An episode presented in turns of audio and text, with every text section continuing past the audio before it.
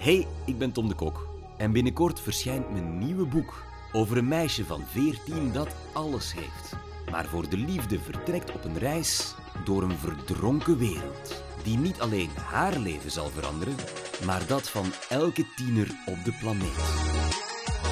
Ik neem je nu al stiekem even mee naar het universum van Lily. Ondertussen.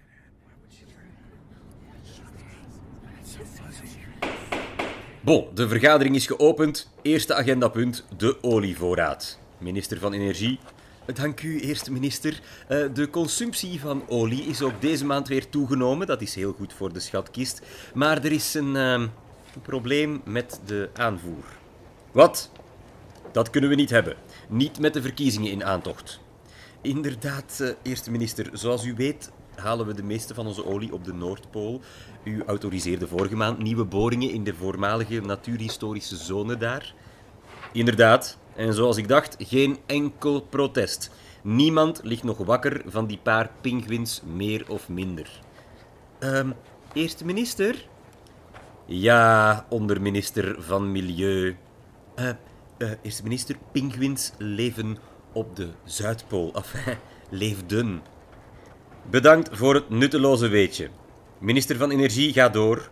De olie wordt per schip van de Noordpool hierheen gebracht, maar u weet dat onze Britse vijanden die schepen regelmatig overvallen en aan de ketting leggen voor eigen gebruik dan.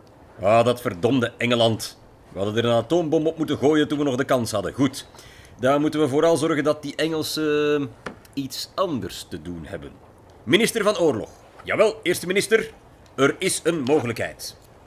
Zoals u weet is Ierland door de stijging van de zeespiegel geen echt land meer, maar eerder een verzameling kleine eilandjes. En die hebben de voorbije honderd jaar vooral ruzie gemaakt met elkaar. Maar nu zijn ze eindelijk verenigd en hebben ze samen een nieuwe vijand nodig. Perfect.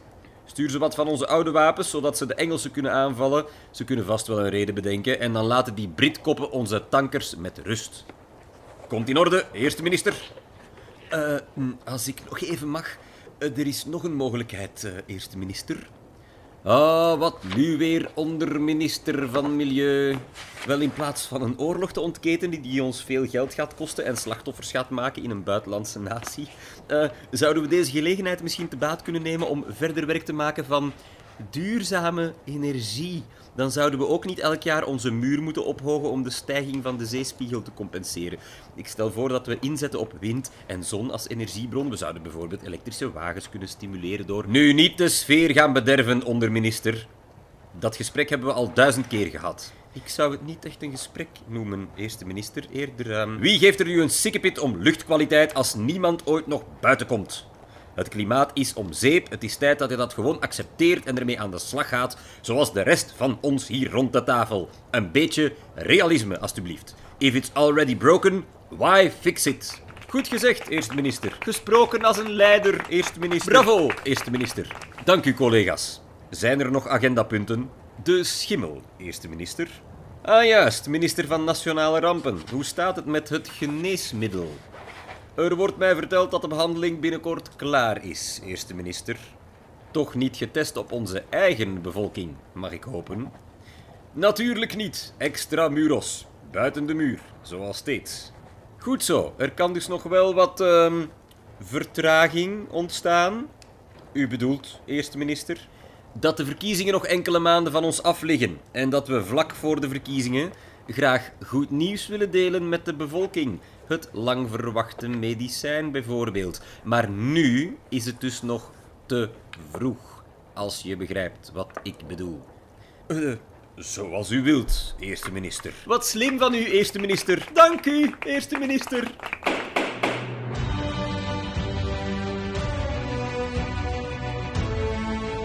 Benieuwd hoe het verder gaat? Lily ligt vanaf 17 mei in de winkel. Nu al te bestellen bij je lokale boekhandel. Lees er alles over en schrijf je in voor de nieuwsbrief op tomdekok.com.